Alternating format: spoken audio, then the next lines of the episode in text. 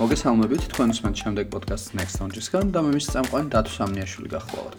დღეს საუბრობთ ინტერნეტზე, მის მრავალფეროვნებაზე, უფრო კონკრეტულად კი მის ბნელ მხარეზე, იგივე darknet-ზე. დღეს ინტერნეტს 5 მილიარდზე მეტი ადამიანი იყენებს, თუმცა ცოტამ თუ იცის, რომ ის ყველა ფეირაზეც ყოველდღიური წვდომა გვაქვს, რეალურად ინტერნეტის ძალიან მცირე ნაწილია, საუბარია დაახლოებით 4%-ზე. ამ 4%-ს ღია ინტერნეტს ეძახიან დიახ, ის რასაც ჩვენ ყოველდღიურად Google-ავთ, ღრმავებთან შედარებით სრულიად არაფერია.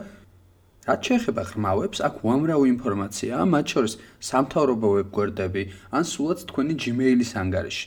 ასეთი გვერდები შიდა საძიებო ფუნქციას იყენებენ, ამ ინფორმაციას Google-თ ვერ მოიპოვებთ. ეს ბიბლიოთეკაში წიგნების მოძიებას გავს, სასრული ინფორმაციის საპონელად თავადეს მოგეხსენებას, რომ შენობაში უნდა იმყოფებოდეთ. თუმცა არც ეს არის darknet-ი, darknet-ში იგივე ბნელ ინტერნეტში მოსახვედრად სპეციალური ბრაუზერებია საჭირო. darknet-ის საიტების ლინკის რომ გქონდეს სტანდარტული ბრაუზერით მას მაინც ვერ გავხსნით. ბნელ ინტერნეტში ანონიმურობა ბოლომდე დაცულია, იქ ისე შეგიძლიათ ეკონტაქტოთ ადამიანებს და შენაძენებიც გააკეთოთ, რომ ვერავინ გაიგებს თუ ვინ ხართ. აქ თქვენ კრიპტოვალუტით ვაჭრობთ, რაც ტრანზაქციებს სამართალდამცავებისთვისაც ხელმიუწვდომელს ხდის. თუმცა ყველაფერი ასე მარტივად არ არის. ბევრი darknet-ს კონფიდენციალურობის და პირადი სივრცის დასაცავად იყენებს, თუმცა კონფიდენციალურობა მსხვერპლს მოითხოვს. darknet-ში უამრავი კრიმინალია, ვინც იარაღით, ნარკოტიკებით, მოპარული პირადი ინფორმაციით და ყველობითად შოულობს ფულს. როგორც ბარაკ ობამამ ერთხელ ინტერნეტთან დაკავშირებით აღნიშნა, თქვენ ვერ გექნებათ 100%-იანი უსაფრთხოება და ამავდროულად 100%-იანი პირადი სივრცე. დღევანდელი ჩვენი სასაუბრო თემა სწორედ ეს არის, შევეცდებით გავიგოთ თუ როგორია ინტერნეტის ბნელი მხარე და სად გადის ზღვარი პირად სივრცეს და კრიმინალს შორის. ამაში კი ჩვენი დღევანდელი სტუმარი გიორგი ნონიკაშვილი, ჯეოლაბის ციფრული ტექნოლოგიების სპეციალისტი დაგვეხმარება. გიორგი, გამარჯობა. გამარჯობა, დათო. სანამ მუშაობთ ამ დღეს დღევანდელ ჩვენ სასაუბრო თემაზე გადავიდოდეთ, რაც არის ეს darknet-ი. აა საინტერესოა ორი სიტყვით ორი სიტყვითაც რომ შევეხოთ უშუალოდ ინტერნეტს, ხო, ინტერნეტის ფენომენს, ანუ როგორ შეიქმნა ეს და რა პრინციპებზე მუშაობს, იმიტომ რომ სანამ უშუალოდ darknet-ზე გადავალთ და ჩავშლით ამ თემებს, საინტერესოა მსმენელისთვის აა თუ ზოგადად რასთან გვაქვს, ხო, საქმე. კი ბატონო. დავიწყოთ მადლობა მოწვევისთვის პირველ რიგში. ინტერნეტზე ასე ზუსტ თარიღს ვერ ვიტყვით როდის აი კონკრეტულად როდის იყო მაგრამ აი დაახლოებით შეგვიძლია ვთქვათ რომ აი პირველად როდესაც ორი კომპიუტერი დააკავშირეს ერთმანეთთან ეს იყო 1969 წელს როდესაც სტენფორდის კვლევითი ცენტრიდან მის კალიფორნიის უნივერსიტეტიდან სტენფორდის კვლევითი ცენტრში გაიგზავნა რაღაც 3-4 სიმბოლოიანი ინფორმაცია.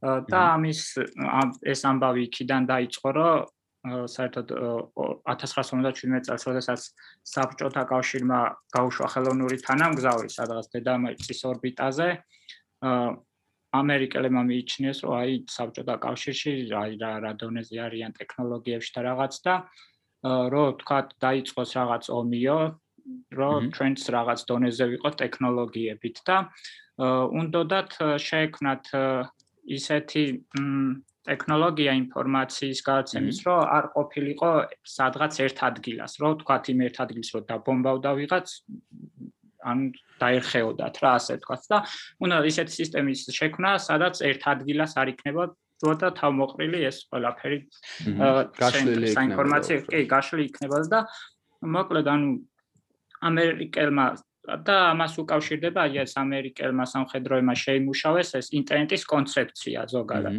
აი ეს კონცეფცია და მე კალიფორნიიდან სტენფორდის კვლევით ცენტრში გაიგზავნა ეს ინფორმაცია ორი კომპიუტერი დაკავშირდა, სწორედ ეს უნივერსიტეტებმა უზრუნველყვეს, რომ ის კონცეფცია რაც ამერიკელმა სამხედროებმა შეიმუშავეს, რომ რაღაც ერთ კონკრეტულ ადგილას არ ყოფილიყო ეს საინფორმაციო ცენტრი, განახორციელეს. შემდეგ ამას უკვე შეუერთდნენ დიდი ბრიტანეთი და ნორვეგიას, როდესაც უკვე ტრანსატლანტიკური რაღაც კაბელი გაიყვანეს და 93 წლიდან, უკვე 1993 წლიდან უკვე ვიცნობთ როგორც ინტერნეტს. ახლა მანამდე იყო ეს კვლევითი ცენტრი ARPANET იყო და ARPANET დაარქვეს და შემდეგ როცა უკვე შეუერთდნენ ეს ნორვეგია, დიდი ბრიტანეთი და სხვა, უკვე 93 წლიდან აა ქვია ინტერნეტი. როგორ მუშაობს? აი, გასაინტერესო ორი სტრატეგია. კი, კი, როგორ მუშაობს ეს? კი, აი როგორც დაიწყო თქვა რო თქვი რომ ამ ორმა უნივერსიტეტმა გაცვალა ერთმანეთში ინფორმაცია, აი ეს არის სწორედ კომპიუტერ დაკავშირ ერთმანეთთან დაკავშირებული კომპიუტერების ერთობლიობა ინტერნეტი რა.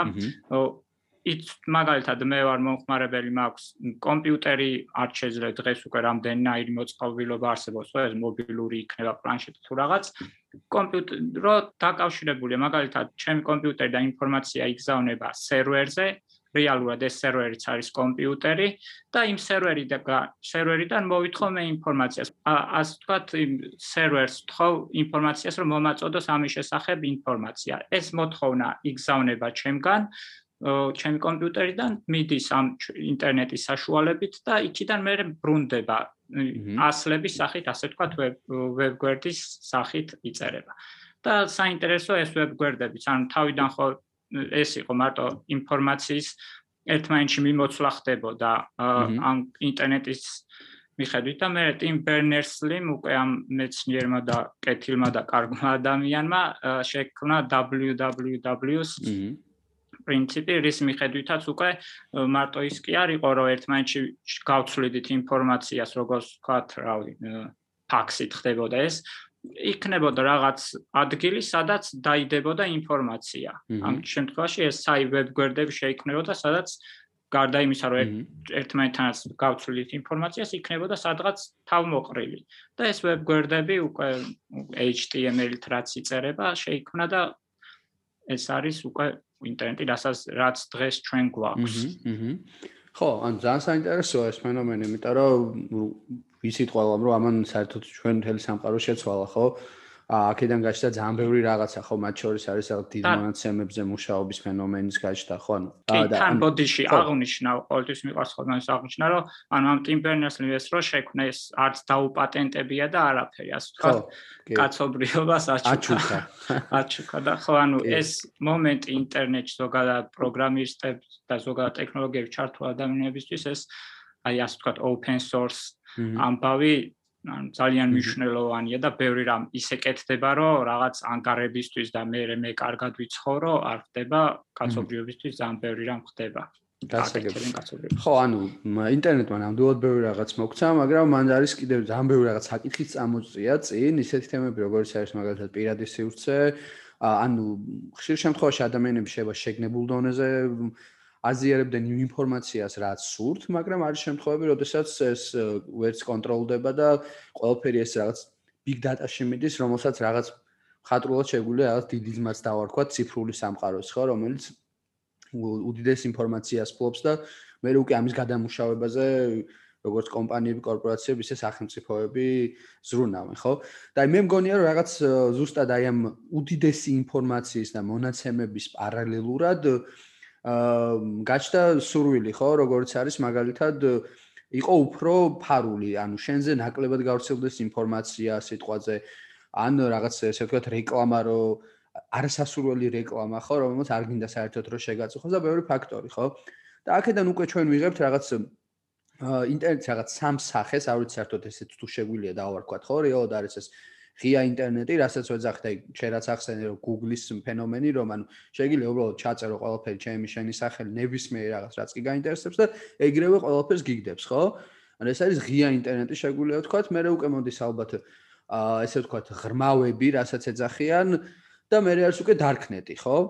რომელიც იდეაში ამ ღრმავებშიც შედის თავისებურად, ხო? და აი მოდი უკვე ამაზე დავიწყოთ საუბარი, ანუ აა როგორ როგორ შეგვიძლია ეს სამ ფენომენი რაც ახლა ვისაუბროთ დავყოთ. ბევრს გაუგია დარწმუნებული ვარ ახლა ზოგადად ეს darknet-ის თემა, მაგრამ აა ბევრი ნამდვილად არ არის შეიძლება შეგით დამყოფიც და მოკლედ რო ვისაუბროთ ამ თემაზე რა ხდება ხო ინტერნეტში რეალურად, იმიტომ რომ მარტო მარტო ღია ინტერნეტი როდესაც აი Google-ში search ხულის ხოდით, როგორც ვთქვი ძალიან მცირე პროცენტია თლიანი ინტერნეტის, ხო? კი, კი, ძირითადად არის ეგრეთ წოდებული ღრმავები ინტერნეტის რაცა. კი, მოვყვეთ, აი ზემოდან რო ჩამოვყვეთ, ფაქტობრივად ეგრე გამოგვივა ეს ღიავები, რაცა ახლა ჩვენ სადაც ვართ, ეს აღია, სადაც წდომა აქვს ყველას ამ ღია ასე ვთქვათ, ღია ღია ინტერნეტზე, სადაც საძიებო სისტემებს აქვთ ყველაფრის უფლება, ყველაფერს ეძებენ, ინახავენ და ასე შემდეგ. ეს არის ზედაპირი. თუმცა ეს 4%-ია, თუ არ მეშლება ზუსტად პროცენტი, ხო, მცირეა ძალიან. ხო, ყველაზე დიდი ნაწილი არის ღრმავები, სადაც ასე ვთქვათ, ნაკლებად მიუწვდება, თითქმის არ მიუწვდება ხელი საძიებო სისტემებს, ეს Google-ს, Yahoo-ს და ასე შემდეგ, რომ რაღაც მოძებნო. ანუ ეს ძირითადად რა არის? ეს არის მონაცემ მონაცემთა ბაზებიანი საიტები, სადაც რომლებსაც შიგნით თავისი საძიებო სისტემები აქვთ, არის ეს სამთავრობო საიტები იქნება, არის ან რაღაც სხვადასხვა ვებ ფორუმები იქნება, რომლებშიც ან სადაც ასე ვთქვათ რეგისტრირდები და ანუ შიგნით ხარ უკვე და ან დამოუკიდებლად ესე უბრალოდ შეხვიდე და იქ იყო და ნახო რაღაცები რომ არ შეგიძლია იქ ინფორმაციის ნახვა თუ არ დარეგისტრირდი და შიგნით თუ არ შეხვედი სისტემში. ესა ძირითადი სადაც აი უდიდესი ნაწილი ინტერნეტის ეს არის ღრმავები. ხო, აი ღრმავებზე აი ერთს ჩაგერთვები უბრალოდ ანუ ანუ ბევრს ისიც ერევა ხოლმე რომ ეს რადგან საუბარი არის სიტყვაზე ღრმავებზე გონიათ რომ ეს არის აპრიორი ასოცირდება ან კრიმინალთან ან ეს რაღაცასთან რეალურად პირიქით არის ხო როგორც ვიცით კი არა კი კი ესა ასე ვთქვათ ყველაზე დაცვით და უსაფრთხოების მხრივ დაცული რა ქვია დაცული ინფორმაცია სადაც ვინახავთ და რაზეც ასე ვთქვათ რაზეც ომია ხოლმე ზოგადად აი ეს ინფორმაცია, რაზეც შემდეგ მიდის ომი რის მოპოვებაზეც და რაც შემდეგ იყიდება ასე ვთქვათ. ხო, აი უკვე დარკნეტში. ხო, ღრმავები რეალურად შეგვიძლია ვთქვათ, რომ არის მათ შორის კომპანიების სახელმწიფოების რაღაცა ინფორმაციები, რომლებიც უშუალოდ თავად აქვთ და შენ მაგალითად მაგას ვერ დაგუგლავ, ხო? უმარტივეს მაგალითად ალბათ შეგვიძლია მაგის მოვიყვანოთ, არ ვიცი, ეგეც მოვიყვანოთ, რომ მაგალითად შენ რაღაც კომპანიაში მუშაობ და მაგალითად შენ გაქვს რაღაცა ინფორმაცია, აი საერთოდ არ იყოს რაღაც გასაიდუმლო, რაღაცა ხო შიდა რაღაც კორპორაციული, ესეც ხო რეალურად გამოდის რომ ინახება ღრმა ვებში, ხო? ეგ არის ხო იდეაში. კი ბატონო. და და დარქვსებებზე გადავიდეთ ალბათ და უკვე დარქვები ხო აი ეგ არის საინტერესო რომ ანუ ხო მაგრამ თლიანად ზოგადად ინტერნეტის უდიდესი ნაწილი როგორც ვიცით არის ეს ღრმავებზე როცა საუბრობთ უკვე მე მოდის აი ეს დარქვები იგივე დარკნეტი რომელიც ძალიან პატარაა რეალურად მე უფრო დიდი მეგონა რეალურად მაგრამ ანუ სადღაც აი რაღაც ისინი წავიკითხე მაგალითად იყო რა რაღაც სულ რაღაც 50000 ვებგვერდი შეიძლება იყოს აქ, ხო? თუმცა და მანტეტანაც უმეტესობა არ მუშაობს ასე. ხო, ხო, ძალიან დიდი პროცენტი რეალურად არ მუშაობს და მე რაღაც ლაბირინთებში ამოყოფ თავს შეიძლება ითქვას მარტივი და კომფორტული არ არის როგორც Google-შიო დასერჩავ, ხო?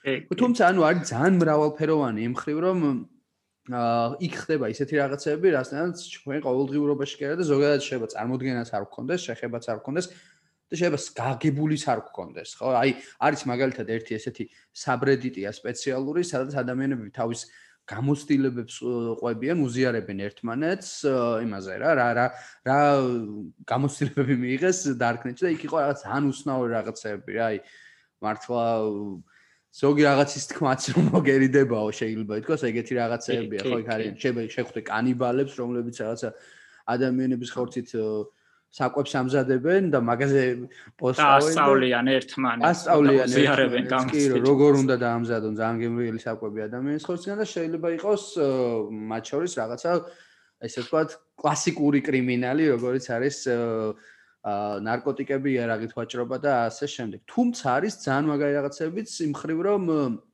აქ შეგიძლია შენ თავი დაიცვა, ესე ვთქვათ აა შენზე რა შენ დააკვისგან ჭალებში ოღონდ ანუ იმ ხრივ იყო დაცული რომ აა ესე ვთქვათ არ გადევნებდნენ თვალს ხო? რისაც ბევრს აწუხებს ხო? ეს აი გინდაც შენზე მონაცემები რო არ გროვდებოდეს ხო და მათ შორის შეიძლება ჟურნალისტმა გამოიყენოს რომელიც გასაიდუმლებულ მასალაზე მუშაობს და ასე შემდეგ ხო დისიდენტებმაც აი რო რო ვისაუბროთ მაგაზე ანუ რო გადავიდეთ პირდაპირ რა არის ეს დარკნეტი რითი გამოირჩევა პირველ რიგში ანუ რა პრინციპით მუშაობს ისე რომ შეგვიძლია ვთქვათ, რომ აი იქ რო შედიხარ, შენ ვერ პოულობენ, ვერ აღმოგაჩენა, ეს ძალიან საინტერესოა.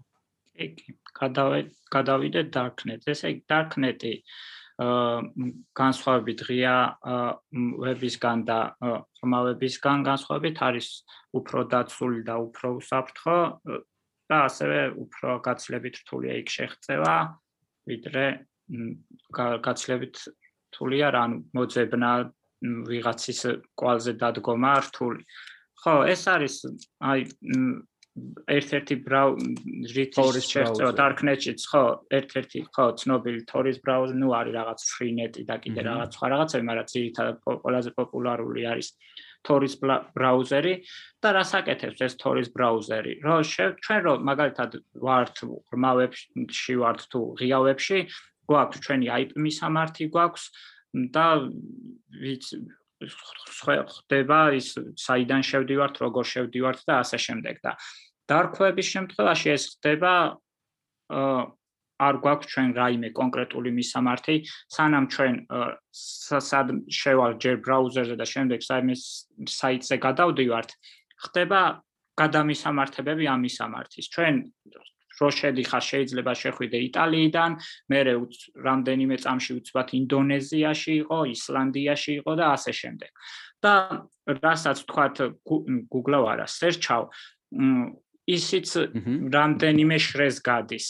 თორიც ანუ onion არის რა ის რა ქვია ლოგოც რო როგორც ხახვის ფურცლებია თქვათ ფურცლავ ფურცლავ ფურცლავ და ჩადიხარ ბოლოში ეგრე ესეც ანუ რამდენიმე შრე რამდენიმე ეტაპს გადიხარ რო შედიხარ და ეს სულ იცლება ეს მისამართი სულ იცლება და რომ ანუ ვერ ვერავინ ვერ მიხვდეს ასე ვთქვათ როდის საიდან შედიხარ იქ და ხო ანუ შიგნით რა ხდება?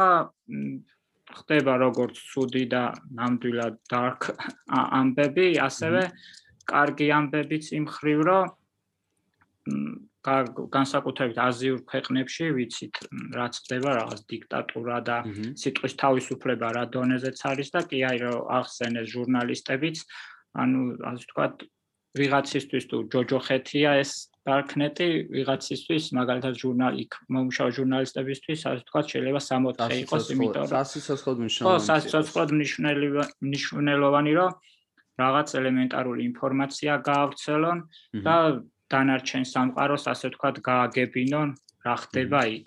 ისე რომ მათ სიცოცხლეს საფრთხე არ შეექმნას და ბოლომდე იყვნენ ანონიმურები და დაცულები. ხო აი ეს დილემის ამბავია და ადამიანებზეა რა, ვიღაც კარგი მხრივ იყენებს ამ ყველაფერს, ვიღაც ცუდის მხრივ იყენებს.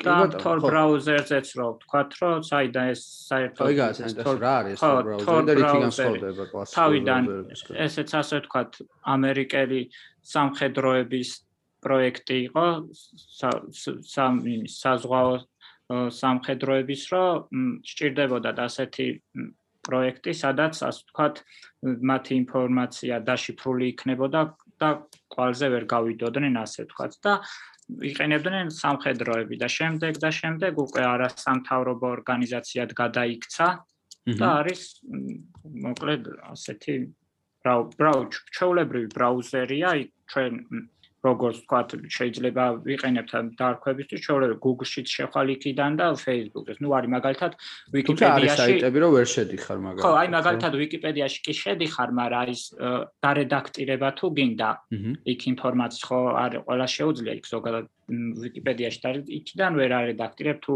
Tor ბრაუზერიდან ხარ შესული.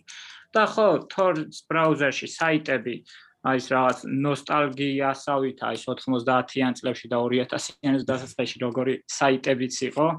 და რო შეხვალ აი ზუსტად იგივე გარემო ხდება არაფერი UX UI რაღაც დიზაინი არაფერი არის. ხო არც რუნავენ მაგაზე რეალურად ხო ან ხო არც ჭირდებათ. და არც არიან აი ისინი რაღაც ძალიან გათვითცნობიერებულები მაგ მხრივ რომ აი რაღაც დიზაინერი დარკნეტში რო დიზაინ დიზაინერს რო ქირავ პრო რაღაცა და საიტი ის მიქენი გამიკეთე ისე რომ მაგარ ხოძე იყოს. ამდე და უმეტეს საიტები არის ასე ვთქვათ ონლაინ არის ფორუმები რა თქმა უნდა სადაც ხდება ცუდი რაღაცების ინფორმაციების მიმოწვლა ერთმანეთში და კარგის ხრივის რო აი ჟურნალისტებს და ისეთ ქვეყნებში მცხოვრებ ადამიანებს ვისაც სადაც სიტყვის თავისუფლების პრობლემებია, იყენებენ ამისთვის და ფორუმებში აზრი და არის ონლაინ სავაჭრო რა თქმა უნდა კატალოგები, პლატფორმები, როგორიც არის Silk Road და ასე შემდეგ. გინდა აი Tor-ი რო ახსენეთ, მან არის სმეილს შეება გავუშვეს შეკითხვა, ანუ პროგრამულ დონეზე რა განსხვავება, ანუ რატო როგორ ხდება რომ Tor-ით რო შედიხარ მაგალითად რატო შედიხარ მარტო თორით სიტყვაზე? უშუალოდ ან რატო ვერ შედიხარ უფრო სწორედ ან კლასიკური ემით მაგალითად Chrome იქნება ეს თუ სხვა იქნება და პროგრამულად რა განსხვავებაა? რა ეგ თუ შეგვიძლია რა კი. აი კონკრეტულად თორი გარდა იმისა რომ ბრაუზერია ხო? არის აი იქ მისამართები აი ეს კონკრეტულად ეს darknet-ის ისინი რაც არის ისეთი საიტები URL-ი, ლინკი, რომელიც ჩვეულებრივი ბრაუზერიდან ვერ შედიხარ. დაბოლოება ხო აა ჩვენთან რაღაც com, g.net და ასე შემდეგ, იქ არის Onion. ну Onion-ზე ვისაუბრეთ რატომაც.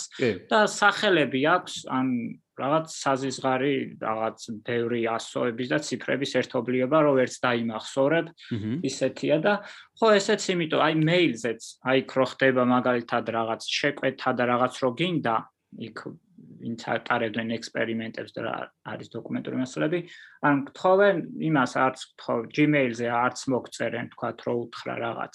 გეუბნებიან რომ ან და თვითონ ეგ თავაზობენ, მეილიც კი უნდა იყოს აა ის რა ქვია, იმ დაჰოსტილი ასე თქვა თორში. რომ იმ მეილზეც თომაც მე ვიღაცას რო დაჭirdეს რაღაც სამართალდამცავ და სამართალდამცავ ორგანოებს ის ის და იმაზეც ვერ შევიდნენ ვერ ნახონ ინფორმაცია რა ისიც უნდა იყოს დახოსტილი იქ რომ ანუ ანონიმურობა მაქსიმალურად გარანტირებული იყოს. ხო აი ხომ სვენელ შეება ვინც არასდროს არ შესულა მაგალითად არქნიტში აა გავშეს რაღაც მომენტში ლოგიკური შეკითხვაც რამდენად ლეგალურია ის რომ თვითონ სიტყვაზე ხე გადმოწეროს თორის ბრაუზერი და შევიდეს darknet-ში უბრალოდ, ანუ არაფერი კრიმინალური არ ჩაიდინოს, გულისხმობის რაღაცა კრიმინალური არ შენაძენი გააკეთოს ასე შემდეგ, უბრალოდ შევიდეს და დაათვალიეროს საიტი. ეს მგონია ძალიან ბევრს გაუჩნდება შეკითხვა და ბევრს მე მგონია რომ არც აქვს ამაზე პასუხი ისედაც, ხო? ეს კი, ანუ უსაფრთხოების მხრივ, ანუ ვინმე მაგის გამო არავინ არ დაიჭერს თუ უბრალოდ რომ შევიდეს, ესე იგი უკანონო შეგვიძლია თუ არა. კი, უბრალოდ კი უკანონო არა უბრალოდ შესვლა არანაირი პრობლემა უბრალოდ არავის არ როგორც შენც თქვი იქ რაღაც ფორუმებზე რო წერდნენ. ხო ცოტა ცხოვრ ფილმი ფილმი უფრო რეალური გახდება რაღაც რო გონია ფილმებში ხდება იქ რამე ისე წაიკითხავ და ნახავ რომ რაღაც ცოტა ითრგუნები რა რაღაც კანონმდებლობა არ არეგულირებს მაგას სიტყვაზე რომ აი შენ რო შედიხარ და ესეთ ინფორმაციას ეცნობე რომ ვიღაცებით განდა საუბრობენ იმაზე თუ როგორ უნდა გაყიდონ ნარკოტიკი ან მოკლან ვიღაცა. ანუ აი ეს კანონი არ რეგულირებს რაღაც დონეზე. ხო, ან მაგ მხრივ არაფერი არა, შენ თუ არაფერს არ აკეთებ და იქ ეგეთ რაღაც კანონსაწინააღმდეგოს არ წერ და ნუ არ აკეთებ, არაფერ უბრალოდ შესული ხარ ბრაუზერით რაღაც კონკრეტულ საიტზე, ხო? ხო, აი ეგ ეგ ხო, ეგ ბევრს გაუჩნდებოდა შეკითხვა და კარგია რომ ანუ ესე იგი ნებისმიერ შეძლე შევიდეს, როგორც თავარია იქ ესე ვთქვათ, სუდი არაფერი გააკეთოს, ხო? კი ბატონო. ხო, აი ძალიან საინტერესო მომენტი იყო სხვათა შორის. აა, ხო. ხო, აი ძოლაზეც რო ვთქვათ, ალბათ ან რო რადგან ვახსენე სამართალ დამცავი ორგანოები, ან თვითონ სამართალ დამცავი ორგანოებიც ანუ იყენებენ და არიან ამ ხრი მომხმარებლები იმ ხრივ რომ აკონტროლონ ეს სიტუაცია და ანუ ისეთი ისიც არის ხოლმე რომ ანუ ასე ვთქვათ fake ისინი არიან უკან სამართა დამცავ დამცავები არიან და ასე თქვა ვითომ გადამყიდველები არიან და როდესაც კვალზე გასვლა უნდათ ხოლმე იქიდან მუშაობენ რომ ასე თქვა დაუახლოვდნენ ისეთ ტიპებს ვინც ცუდ რაღაცებს აკეთებენ იქ. ხო და რაღაც თვითონ ეს გადმოწერა ვიცით რომ მარტივია და თვითონ შესვლაც ესე იგი არ არის არ არის რთული ესე თქვა, თუმცა უკვე შიგნით ორიენტირება არის საკმაოდ რთული და როგორც აღნიშნეთ, ძალიან ბევრი საიტია იქ, რომელიც უფუნქციოა და შეიძლება აი უბრალოდ იკარგებოდე, ხო, მასში აქ-თიქით დადიო, დადიო და რაღაც ლაბირინთს ყავს რაღაც თმე მგონი შეგვიძლია ვთქვა, რომ ჩიხია ხო ზოგისთვის ეს და კი, კი, ნუ იქაც ან იმას იმპრეზიების პრინციპზეა რა, ანუ სიტყვებით როგორც ვთქვა, Google-ავთ იქაც ასე ვთქვათ, უნდა დასერჩო და გაყვე კვალს და იმაზე მიყვებიან რაღაცას ჩაწერენ, რაღაც კონკრეტულ X საკითხს და იმ X საკითხზე მიმისდევენ ინფორმაციას და კი, ხო, ანუ ბევრი საიტი უფუნქციოა და ხო, აი მაგალითად ეს Silk Road-იზეც თუ გინდა მოვყვეთ თავიდან როგორ დაიწყეს Silk Road-ის. ხო, ეგ საინტერესო იქნება და მაგასთან ერთად ალბათ შეგვიძლია ვისაუბროთ ზოგადად აი ესეთ საიტებზე, რომელიც ყველაზე დატვირთვადია, ესე ვთქვათ, Darknet-ში.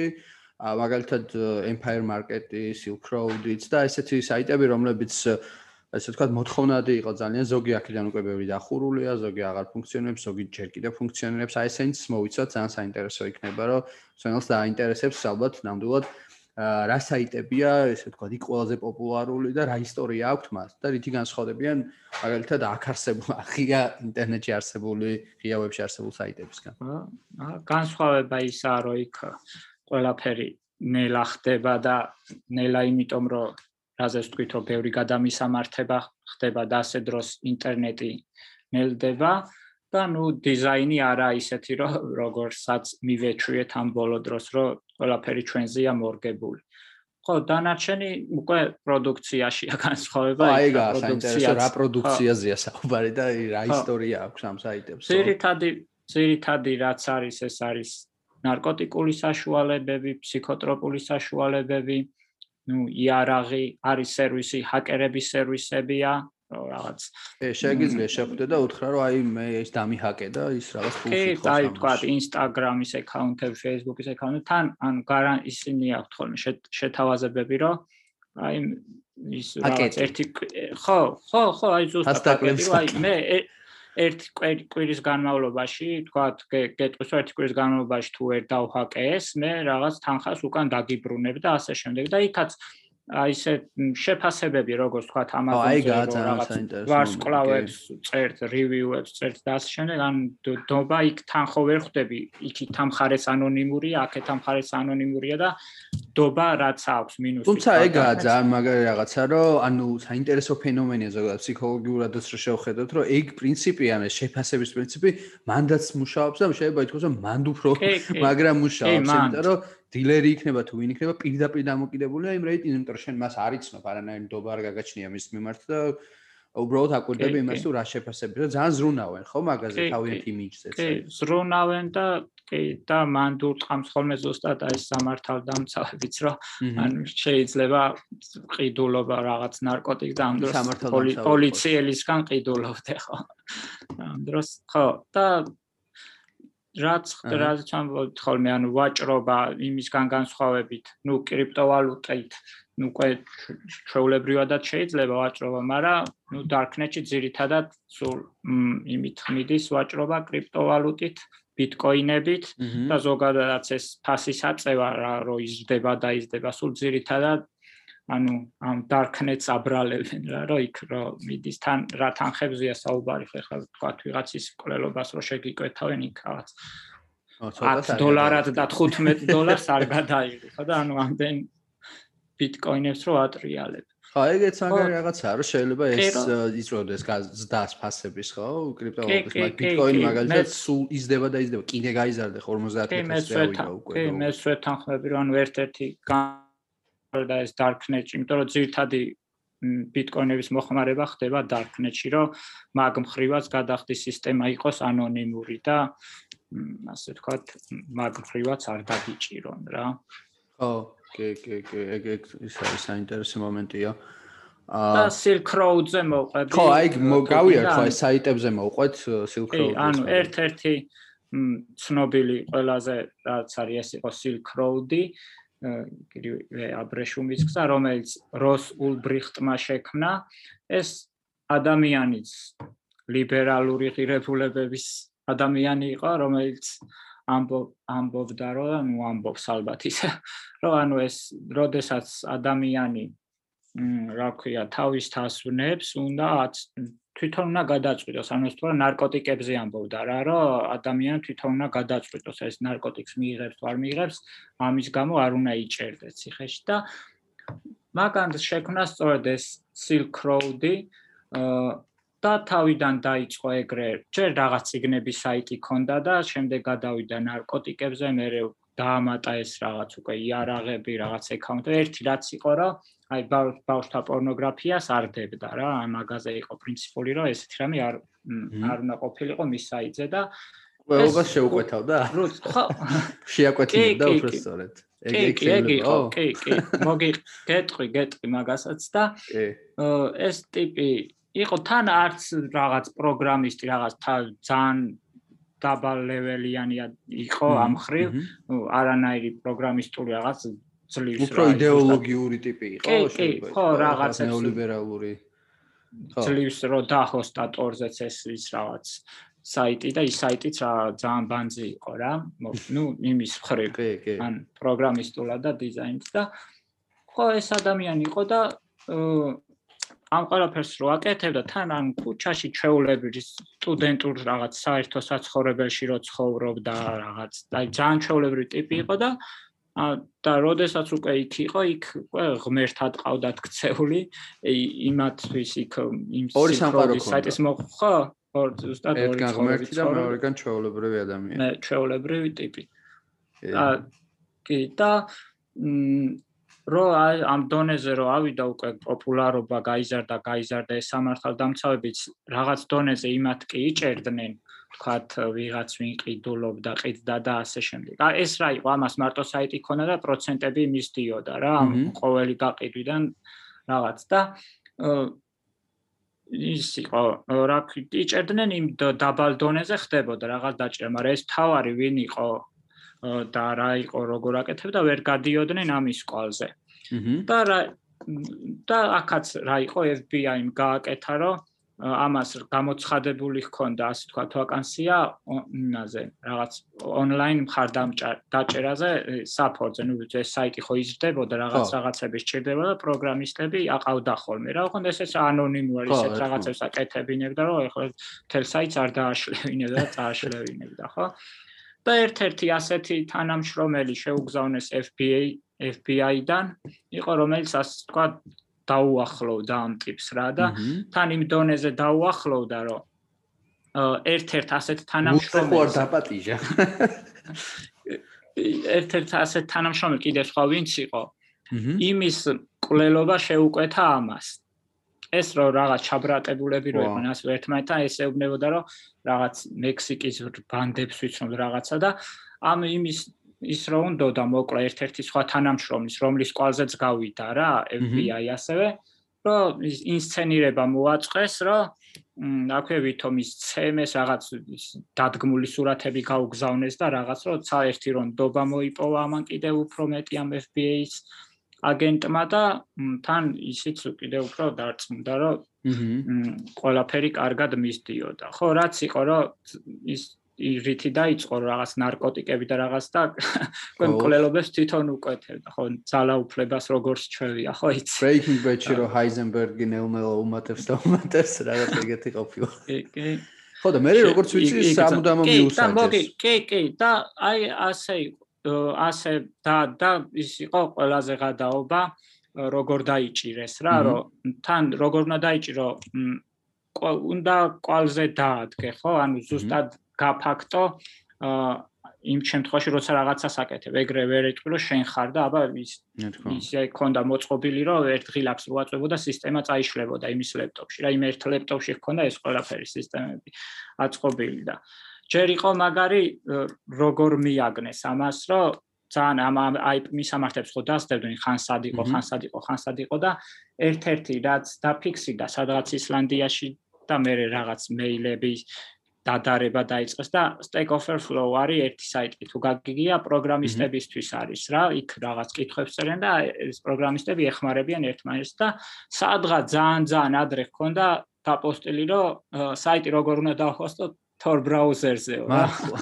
მე ხო, ოღონდ ეგ ხა მე შემიძლია და შენ შეგიძლია, ხო? მე დაჟე ის მეილი რითიც იყო მაშინ დასმულა შეკითხა ის გადაკეთებული ქონდა რა, უბრალოდ ძალიან ბევრი ადამიანი რომ მუშაობდა, ბევრი ინფორმაციებს ვადარებდნენ.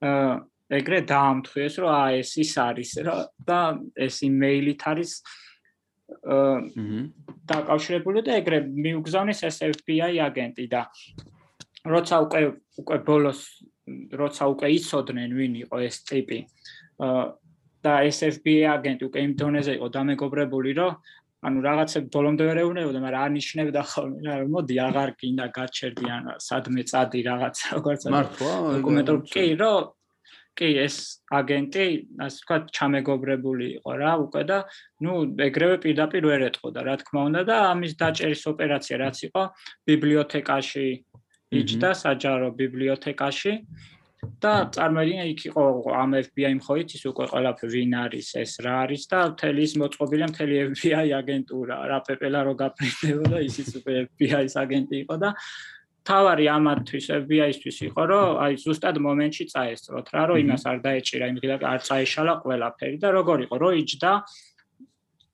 მაგიდასთან რომ თავის კომპიუტერთან იქით უკან ვიღაც ერთ-ერთი ადამიანი წაიქცა რომ რაღაც ხმაური გამოიწვია ხალხი იქით რაღაც შეგროვდა და ამან გაიხედა და წამის გახედვა იყო და ერთმა ტიპმა აცარა ის ლეპტოპი ეგრევე ჩართული და დანჩენი 1-10 კაცი ზე დაახტა რა.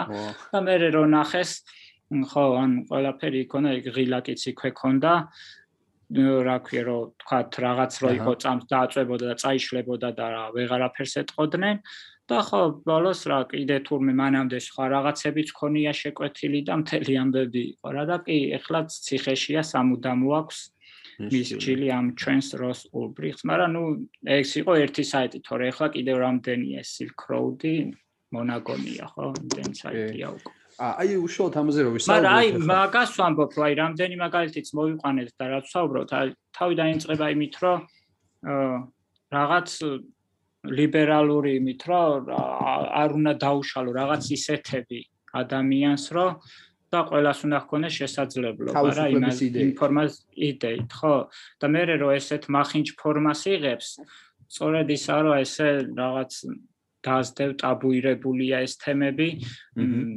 ეგრევე იჭერ არ ხდება ასეთ ადამიანებთან საუბარი და ასე შემდეგ. ხო იმ ფორუმებზე რაც ხდება ხო შენც რაც მოყევი საშინელება და რაღაცა.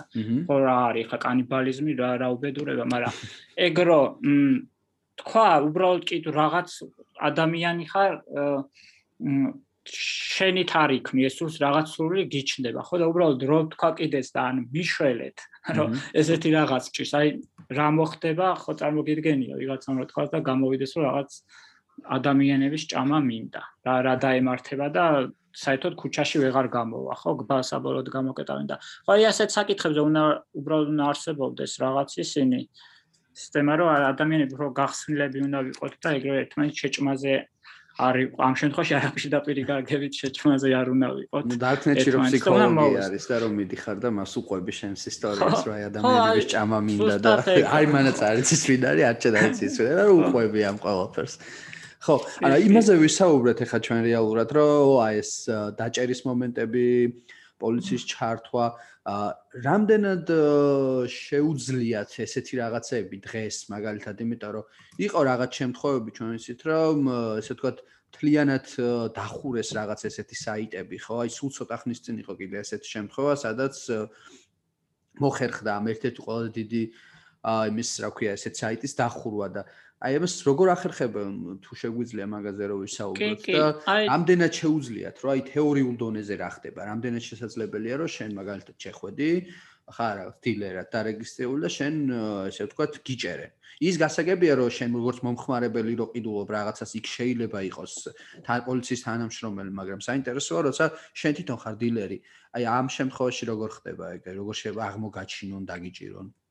კი კი ერთ ბოლო ამბავი რაც იყო ახლა ეს ვაქცინაზე ვაქცინები რო უკვე ვაქცინებით იყიდება ასე ვთქვათ კი ეხლაც გავიდნენ ვიღაც ტიპის იყო ანუ გამოძიების ფარგლებში რაღაც 750 დოლარად იყიდეს ვიღაც ტიპისგან ჩინური ვაქცინა. ასე თქვა რა თქმა უნდა ტყუილი იყო მაგრამ ნუ თაღლითები ამ ხრივად სარგებლობენ რა და ხო ყველაზე გასვლა როგორც ხდება ეს ამ ულბრიხტის შემთხვევაში როგორც გითხარი რა წარმოიდგინე ამ დონეზე ხდება მთელი ჩარევა რომ ზუსტად კვალზე დაადგე რა.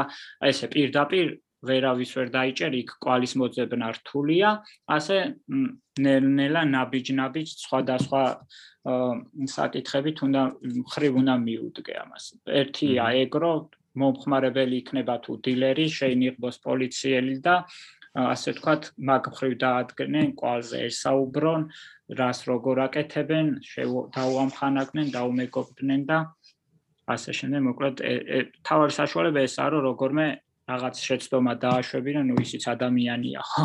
მაინც რაღაც შეცდომა დააშვებინონ და ანუ რა რა რამე ფაქტი გამოსტყონ, ასე ვთქვათ, რომ ფიზიკურად მოხდეს იმისის იდენტიფიცირება. აჰა. ხო, ხო, ეგ არის. აი ესეთი რაღაც რთულია უბრალოდ აი როგორც ჩვეულებრივ რაღაც დამნაშავეს იჭერდა იქ რაღაც სამხილებს ნახულობდა ის ნუ ამ შემთხვევაში ციფრულ სამხილებს დასდევ რა და მე ნენელა ცდილობ რომ ფიზიკურსაც მიაგნო. ო, კი, კი, კი, კი. ხო, ეგ ეგ მართლა საინტერესო მომენტია. აა კიდე არის აი ხა მაგალითად თუ არ მეშლება საუბარი არის Empire Market-ზე, რომელიც სულ ცოტა ხნის წინ იყო რაღაც ერთ-ერთი ყველაზე დიდი ბაზარი იყო ზუსტად ესეთი რაღაცეებისთვის და აა მთლიანად სამართლდამცავებმა როგორც მოახერხეს და ამ სისტემას შეაღწიეს და საერთოდ დახურეს, ხო? იყო შემთხვევები, როდესაც მაგალითად საერთოდ იკარგებოდა ხოლმე, მაგალითად საიტზე ხარ შენ, მე როგორც ნახე მათ შეიძლება შეიტანო რაღაც პატარა შენატანი წინასწარი რა, ან ბიტკოინის სახით ან ნებისმიერ კრიპტოვალუტის სახით და მე მოხდეს ესეთი რაღაცა, რომ ეს საერთოდ დაიხუროს ეს აი თვითონ შემქმნელებმა გააუქმონ. და ანუ ამ ბროუდ შენს წინასწარ შენატანს კარგავ, ანუ ამით იმის თქმა მინდა, რომ შეიძლება ანუ ძართულია იმის პროგნოზება, რისკავ, ყველანაირად რისკავ, როგორც სიტყვაზე შეიძლება რაღაც კრიმინალს შედიოდი, ასევე როდესაც რაღაცის შეძენა გინდა, ამითაც ძალიან რისკავ და იმ შეფასებების ის ვერ გიშვალი სამ შემთხვევაში მარტივდება ძალიან მაღალი შეფასება კონდეს ეს დილერი იქნება თუ ვინც იქნება, მაგრამ უბრალოდ გადაწყვიტოს შეიძლება საერთოდ გაქრომა და გაქრობა და ადგეს და ბოლო შეკვეთები უბრალოდ აიღოს და თვითონ თავის აკაუნტი გააუქმოს, ხო, თავის ყველაფერი. კი, კი, ერთ-ერთი მინუსი, მინუსი რაც ამ darknet-ის ეგ არის, რომ ანუ დობა არის ყველაზე დაბალ ნიშნულზე რა არის? ვიღაც უბრალოდ შეიძლება არც პოლიციელი იყოს და არც დილეს უბრალოდ ვიღაც თაღლითი იყოს და თავის პონჩი რაღაცებს დევდებს გაგზავნინებს ფულს და აღარ გიგზავნიდეს რაც იყიდე მისგან. ჩვეულებრივი ამავე და სად მოკითხე ხო? ვერ სად ვერ უჩივლე რა თქმა უნდა. და აი მან არის ხო ის ის რა არის? კიდე მან ძალიან ამას დამაინტერესა იყო რომ ერთ-ერთი ნუ გახმაურებ ძალიან გახმაურებულია ეს ამბავი როდესაც Yahoo-ს Yahoo-ს ინფორმაცია გატეხეს, ესე ვთქვათ და მილიარდობით აკაუნტის ინფორმაცია მოიპოვეს, ხო ეს? და ზუსტად Darknet-ში დაიწყო მე ამის გაყიდვა. ანუ ამას ყიდდნენ Darknet-ს წარმოიდგინე და ეს შევეყო ძალიან ცუდი იმ შემთხვევაში თუ გაქვს მაგალითად password-ი სხვადასხვა საიტებზე, ეს password-ი თუ გაქვს ერთი და იგივე, იმიტომ რომ ვიღაცებმა იციან შენ password-ი. შეიძლება შემთხვევა, კი. ხო, ამ შემთხვევაში საფრთხე. ყველაფერზე ერთი password. ხო. კი, კი, აი ზუსტ. კიდე აი მე მან კიდე იყო ესეთი რაღაცეები, ეს ინფორმაციაც ნახე, რომ შეიძლება იყიდებოდეს მაგალითად წამენდე საკრეტო ბარათი ინფორმაცია არის მოპარული და მან იყიდება. და იქ რა თანხაცდევ შენ თუ რაღაც პატარა პროცესი გადაიხდი გაძლევენ იმას, რომ აი შენ შეგელება ამის გამოყენება, ხო? ანუ აი ეს ეს რამდენად საფრთხე, რამდენად შეიძლება რომ მაგალითად დღეს ჩვენ ესე მშვიდად რო ვართ ან ჩვენი ან Yahoo-ს ანგარიში შეიძლება იყოს ნებისმიერ სხვა რაღაც ანგარიში იყოს იქ და ვიღაცა ყიდულობდეს ფასტაკლებით. ან ჩვენ ბარათს ხო? აი ეს რამდენად შესაძლებელია. როგორ ხდება ამის მოპარვა. მოპარვა ერთ-ერთი კიდე რაცა ეს პოპულარული და აქტუალური პრობლემა ფიშინგით ხდება ეს ყველაფერი მოტყუებით რომ სწავლავენ ინფორმაციას ადამიანებს შეაყვანინებენ სადღაც მათ საბანკო ბარათების მონაცემებს და შემდეგ აი ის ხდება რაც მოყევი შენ რომ უკვე შემდეგ ის ის შეიძლება არც გამოიყენებს იმას უბრალოდ წავა და darknet-ში გაყიდის შვიდად იქნება რა უკვე იმის გამოყენებაზე ვინც გამოიყენებს თქვა თუ რაღაც იქნება იმას დაადგებიან ასე ვიღაცას ის უშჩემ ეგრე უწერიათ ხოლმე რომ მაგალითად საბანკო ანგარიში არის რაღაც 3000 დოლარი და აჰა შენ 100 დოლარად მოკრიდი და ის შენ როგორც გინდა გამოიყენე რა. ის ყოველ შემთხვევაში იმას ის ურჩევნია ვთქვა, ბევრი აქვს აქვს ასეთი. ხო, ასეთი ინფორმაციები კი, ყველაზე ხშირი ის ნარკოტიკებთან ერთად ასეთი ინფორმაცია არის აკაუნტები იყიდება კიდე აი ეს Facebook, Instagram აკაუნტები რო რაღაც ჯგუფებს რო ქმნიან ან ვიღაცებს უნდა ლაი ბევრი ლაიქი და ასე შემდეგ. ხო, ეს ბევრი აკაუნტ აკაუნტებიც იყიდება და იყენებენ ადამიანები ამას. ხო, კი, თვითონ უნდათ. კი ბატონო. ხო, ხო, რაღაც ამბობდი. კი არა, არა, ეს თქვი. აა, ხო. აა მან კიდე არის ესეთი რაღაც ძალიან საინტერესო აა რამდენად შეიძლება ეს იყოს ანუ მან და ვაწყებთ ესეთ პრობლემას ხო ერთი თავშიც ვახსენებთ ეს ერთი არის შესაძაც გინდა კონფიდენციალურობა და მეორეა გინდა იყო დაცული და ბარაკ ობამას აქვს ამაზეც ნათქვამი როცა პრეზიდენტი იყო რომ რთულია ანუ შენ კონდეს 100%-იანი კონფიდენციალურობა და ამოდროულად ამის პარალელურად იყო 100%-იანი დაცული ანუ ამით ფაქტიურად თქვა, რომ რაღაც დონეზე ეს ყველაფერი მსხვერპლს მოითხოვს. ანუ შენ თუ გინდა რომ ბოლომდე კონფიდენციალური იყო, მაშინ შეიძლება ვერ იყო ბოლომდე დაცული, ხო? მათ შორის, ანუ შენ ცდილობ დარკნეტში შეხვიდე, მაგრამ იქ იქ ვერანერ ვერავინ ვერანერ გარანტიას ვერ მოგცემს, ხო? არასდროს ეგეთი რაღაცა ვერავინ ვერ გეტყვის, რომ შენი რაღაც გარანტია. კი, კი, ესეც კი, ჩვეულებრივად ვეთანხმები ბარაკალამას 100%. თუმცა, მანდ არის მეორე მომენტი, რომ არიან ადამიანები, ვისაც უნდათ, რომ კონფიდენციალობა მეტნაკლებად მაინც დაიცვან, ხო? და ეს არის საინტერესო ა რამდენად შეგვიძლია იმ სმენელს თან დაინტერესებს ამ ყოლაფრის ფონზე, ხო, როდესაც საუბრობთ big data-ზე, დიდ მონაცემებზე, რომელიც თავშიც თქვით, რომ შეგვიძლია ვთქვათ რაღაცით, რომ ორუელი და ორუელი 1984-იდან რაღაც დიდი ძმის რეინკარნაცია აღონ ციფრული, ხო? ანუ რომელიც ყველაფერს ხედავს ეს პროგრამი პროგრამები, ალგორითმები, რომლებიც აკვირდებიან იმას, თუ შენ რა მოგწონს, რას ალაიქებ, რომელ ვიდეოს უფრო დიდ დროს უთმობ, ხო? და მე ამით განგისაზღვრავენ რა შეიძლება გინდოდეს. აი რაღაც დონეზე ესა და ბევრისთვის ეს შეიძლება კომფორტულიც იყოს, იმიტომ რომ მოდი ეს დემონიზირებას ნუ მოვახდენთ, იმიტომ რომ შეიძლება ბევრიც კომფორტულია, შენი ინტერესები რაც არის, იმის შესაბამისად სოციალური ქსელი იქნება თუ Google-ი თავაზობს რაღაცებს, მაგრამ მეორე რომ არის ადამიანებს ეს არ უნდათ, ხო, მაქსიმალურად პატარა ინფორმაცია უნდა და თავისავზე გავრცელო. თუ არის რამე ალტერნატივები, გინდათ darknet-ის გარეშე, ზოგადად ინტერნეტში, რომ უფრო დაცული იყოს ადამიანი მასზე, ასე ვთქვათ, მისი მონაცემები არ გროვდებოდეს სადღაც. და მას შეიძლება არც რეკლამა შესთავაზონ თემატური და ასე შემდეგ. აი თუ არის რამე ალტერნატივები. კი, გეტყვი, ჯერ არის რაღაც რო ვიღაც გვიყურებს და ყველაფერს აკვირდება, ვიტყვი რომ ანუ ასე თუ ისე ჯერმაინც დეცენტრალიზებულია და ეგრე ვიღაც ერთი ვერ არის. არა, ერთი არა, რა თქმა უნდა, კი, კი. კი, და ვიცით Google-ი, Facebook-ი არიან, Apple-ი, ასე ვთქვათ, Microsoft და ასე შემდეგ და მაგ ხრივ ცუდი ის რაც არის ამბავის რომ აი ვიღაც რაღაც გაჩნდება თუ არა მაშინვე ყიდულობენ ესენ სადაც ნახავ რომ ბევრი ხალხი იყენებს როგორც თქვა ინსტაგრამის შემთხვევაში და კიდე სხვა მაგალითები თქვა Microsoft Skype იყიდა და ასე შემდეგ. ხო აი ეგ ახორმე ცუდი და ეგ მინდა რომ ნაკლებად იყოს რომ რაც ხო რაც მეტი ალტერნატივა იქნება აი უფრო გართულდება და უფრო ნაკლებად გვექნება იმის შეგრძნება, რომ რაღაც დაუცველები ვართ და ვიღაცა რაღაცას გვიპირებს ამ ინფორმაციით.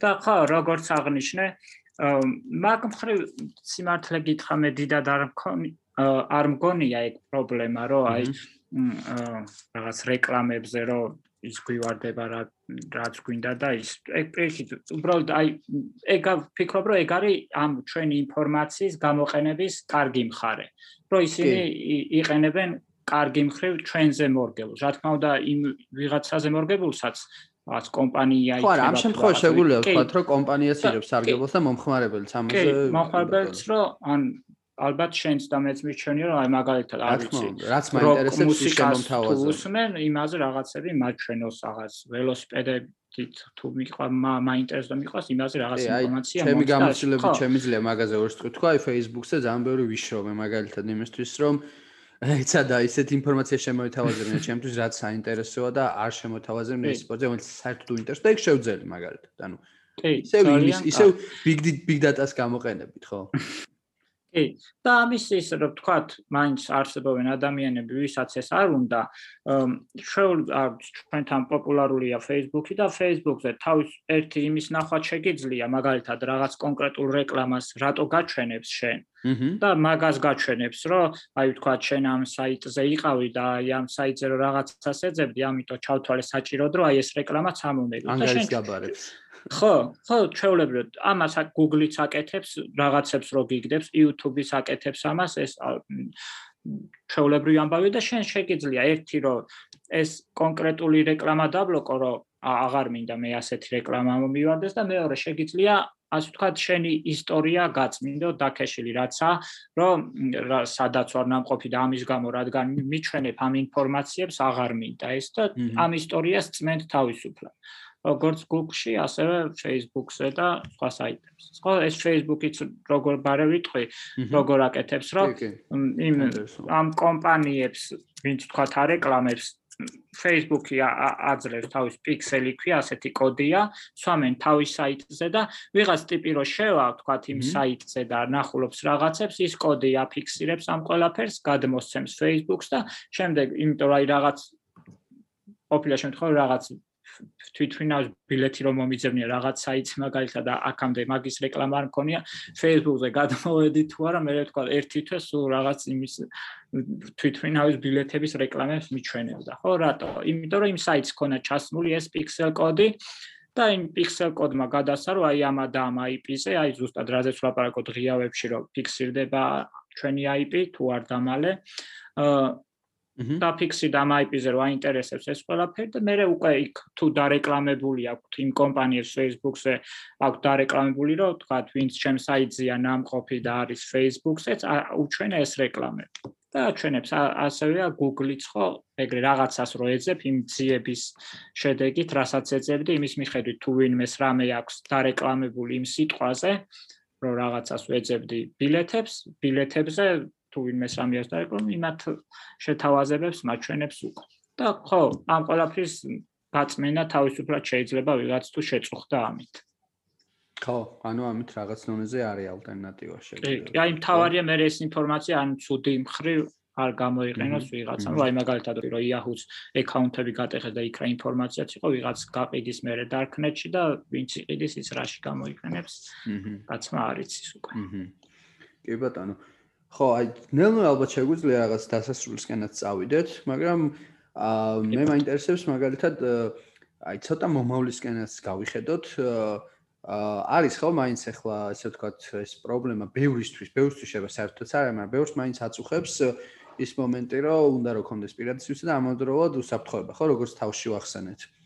და აი, სად შეიძლება შენი ეს დამხრ, როგორც ინტერნეტის მხრივ გულისხმობს, სად შეიძლება გავიდეს ეს ზღვარი, იმიტომ რომ რაც უფრო ტექნოლოგიები ვითარდება, აა ესე ვთქვათ, ადამიანები უფრო და უფრო ხდებით მათზე დამოკიდებული და რა თქმა უნდა ამისგან ძალიან სარგებლობს ვიღებთ, უბრალოდ აა ბევრი იმას შევის, რომ შემდეგ ეს ინფორმაცია მასე ყველაფერი ვრცელდება და ვრცელდება, ხო? და ვიღაცების შეიძლება ხელმისაწვდომი იყოს ბევრს რაღაც ხო და აი ამის ფონზე არის საინტერესო, როგორ როგორ ხედავ რა შენ ინტერნეტის მომავალს, როგორ შეიძლება ეს განვითარდეს და სად გავა შენი აზრით ეს ზღვარი პირად სივრცეს და სიტყვაზე რაღაც უსაფრთხოებას შორის. აი ესაა ძალიან საინტერესო. ანუ მომავალი როგორი წარმოგიდგენია ამ ყოველს, მათ შორის Darknet-ის ღიავების აი ყველაფრის ერთად. კი, კი. ერთი ვიტყვი ეს მატრიცაში როგორცა, ხო, ბოლოსკე რო ამბობს, რომ მე ხალხს ვაჩვენებ უკიდე განოსამყაროს, რომელიც ყველასთვის ღია იქნება და თუ როგორი იქნება ის მომავალში, ოკეი, მაგრამ ქლიანად თქვენზე იქნებაო რა, დამოკიდებული და ხო, ყველაფერი ჩვენზეა დამოკიდებული და ამ შემთხვევაში ვიტყვი რომ ცოტა ბანალურია, მაგრამ განათლებაზე რა, გჭირდება ტექნოლოგიური განათლება, რომ ის რაღაცა მათ შორის. ხო, აი ზუსტ კი, აი მაგრი რომ რაღაც საი ისეთ საიტებზე არ გადავიდეთ, რომ რაღაც რაღაც ვირუსებს ჩამოგვიწერს, ვიცოდეთ ასე fake news-ებიც რა რა დონის პრობლემაა დღეს. მოგეხსენება და ხო აი პირველ რიგში ეს უნდა იყოს რომ პირველ რიგში ჩვენზეა ადამიანებზე დამოკიდებული როგორც იქით მხარეს ისე აქეთ მხარეს. იქითაც ადამიანები აქეთ ადამიანები ეს ტექნოლოგიები უბრალოდ ასე ვთქვათ ფორმა ინფორმაციის ინსტრუმენტია და როგორ გამოვიყენებთ ჩვენზეა სრულად და ამიტომ რაც უფრო კარგი ტიპები ვიქნებით და რაღაც ცუდი ისინი არ გვენდომება ერთმანეთისთვის და განვითარდებით ამ ხრივ კაცობრიობა, მაგრამ არანაირი პრობლემა არ იქნება პირიქით. ძალიან უამრავი დადებითი მხარე აქვს ამ ტექნოლოგიებს და კონკრეტულად ინტერნეტს და ის უნდა გამოვიყენოთ. აჰა. განვითარება ხო და მომავალი არ ვიცი. მომავალს როგორ როგორ წარმოგიდგენია შენ? ერთ-ერთ ყველაზე ერთ-ერთ არა, ალბათ ყველაზე რა რაც ყოფილა ყველაზე საინტერესო საუკუნეში ვცხოვრობთ, აი ადამიანმა ფიქრობ ამბობ ხოლმე რომ აი სულ არაფერი არ აკეთო უბრალოდ სახში იძდე რომ შემშენ ინფორმაციას მიიღე ხო იმ უბრალოდ რომ დააკვირდე სამყაროს და ინტერნეტის ხრი აი მარტო მაგით იქნება საინტერესო ინტელექტუალური ცხოვრება, რომ რაღაც საინტერესოს გააკეთებ. თან თუ აკეთებ და ჩართული ხარ ამ ყველაფერში, ხო რა თქმა უნდა. ზე რომ ხელოვნური კიდე უფრო საინტერესო იქნება. მაგ ლოგიკით თუ მიუყვებით, რაც უფრო განვითარება მოდის, კიდე უფრო საინტერესოა, ხო? მათ შორის აი უდიდესი ინფორმაცია გიდეოს პატარა შეგიძლია ლეპტოპი გახსნა და მიიღო უდიდესი ინფორმაცია. ეს არის და ამაში ძალიან დიდ როლს თამაშობს ინტერნეტი. უბრალოდ ალბათ რთულია ხო? ეხა ეს ზუსტი პროგნოზი გავაკეთოთ როგორი შეიძლება იყოს ინტერნეტის მომავალი. იმიტომ რომ აი მათ შორის darknet-ის აი როგორ ხედავ შენ darknet-ის მომავალს? ანუ დარჩება ესე როგორც არის შეიძლება გაიზარდოს მაგალითად მომხმარებლების რაოდენობა იქ 50000 ვებგვერდი ვახსენ შეიძლება მეტი იყოს თუ დროთა განმავლობაში შეიძლება საერთოდ გაკეთდეს მის საჭიროება აი როგორ წარმოგიდგენია ეს? იმედია რომ გაქრება მაგრამ ნუ ჯერა. იმიტომ რომ ანუ ადამიანები უნდა ვიყოთ პირველ რიგში აი კარგის ხრივ ამბობ, აი გულწრფელები უნდა ვიყოთ და ერთმანეთს ანუ ვიღაცას რაღაც სათქმელი რო აქვს, ანუ უნდა შეეძლოს თქმა და აუ ეს რა თქვა და ამის გამო რო სიტყვის თქმის გამო და რაღაც გაზიარების გამო ერთმანეთს არ უნდა վերჩოდეთ რა. რაც საერთერთი დანიშნულება დარქვების, დარქნეტის უფრო სწორად. ხო და მომავალი აი ამ ინტენს მომავალი რაც ანუ ხელოვნური ინტელექტი რაც უფრო ვთქვათ მოყოჩა ხდება და განვითარდება, ვფიქრობ, რომ კიდევ უფრო საინტერესო გახდება ადამიანებისთვის იმ ხრივ, რომ ბევრ ისეთ საქმეს გამოგვაკლებს რაც ჩვენთვის რუტინაა და არასაინტერესო რომ მე ადამიანებს უფრო მეტი დრო დაგვრჩება უფრო საინტერესო რაღაცები ვაკეთოთ და საინტერესო რაღაცებით დაუკავდეთ. აჰა. და აი დასასრულს მაშინ მოდი ეს მსმენელსაც დაინტერესებს ალბათ. აა შენ გამოცდილება თუ შეგიძლია გაგვიზიარო darknet-ში, ანუ რა გამოცდილება მიგიღია? რა არის შენთვის აი საინტერესო აი ესეთი? და დაკვირვება, საინტერესო ყველაფერია. ხო, მაგას გულისხმობ, ანუ ამ დაკვირვებას რა მოუწია შენთვის საინტერესო? წარმოიდგინეთ სიტყვაზე რაღაც საბრედიტზე რომ პოსტავდე რას მოყოლოდი შენ საინტერესო პირველი რა თქმა უნდა კულტურული შოკი იყო ზოგადად თითქმის თუ მიწევს რა შესვლა და უბრალოდ რომ ადევნე თავს უმეტესად სულ კულტურულ შოკს ვიღებ უბრალოდ საინტერესო იმ ხრივ არის რომ იქ არიან ადამიანები რეალურად რომლებიც თავის პრობლემებს უბრალოდ ასე ღიად ვერ საუბრობენ ვერც ინტენსივ სეში და ვერც ფიზიკურ სივრცეში, რაც ვერ ლაპარაკობენ, უბრალოდ იმიტომ, რომ ისინი ამის გამო გაიკიცეთ. თვითონაც არიციან, აი, ბევრი ისეთი რა პრობლემაც აქვთ, რომ ის რო თქვან, თვითონაც არიციან, რატო აქვთ და კითხვა რო დასვან და დაინტერესდნენ, იციან რომ უარყოფითი წამოვა და ის მათ ცხოვრება საერთოდ ხაზ გადაუსვამს, რა იქ ვერც ისტორიას წაშლ და ვერაფერს, ხო, როგორც თქვა ინტერნეტში.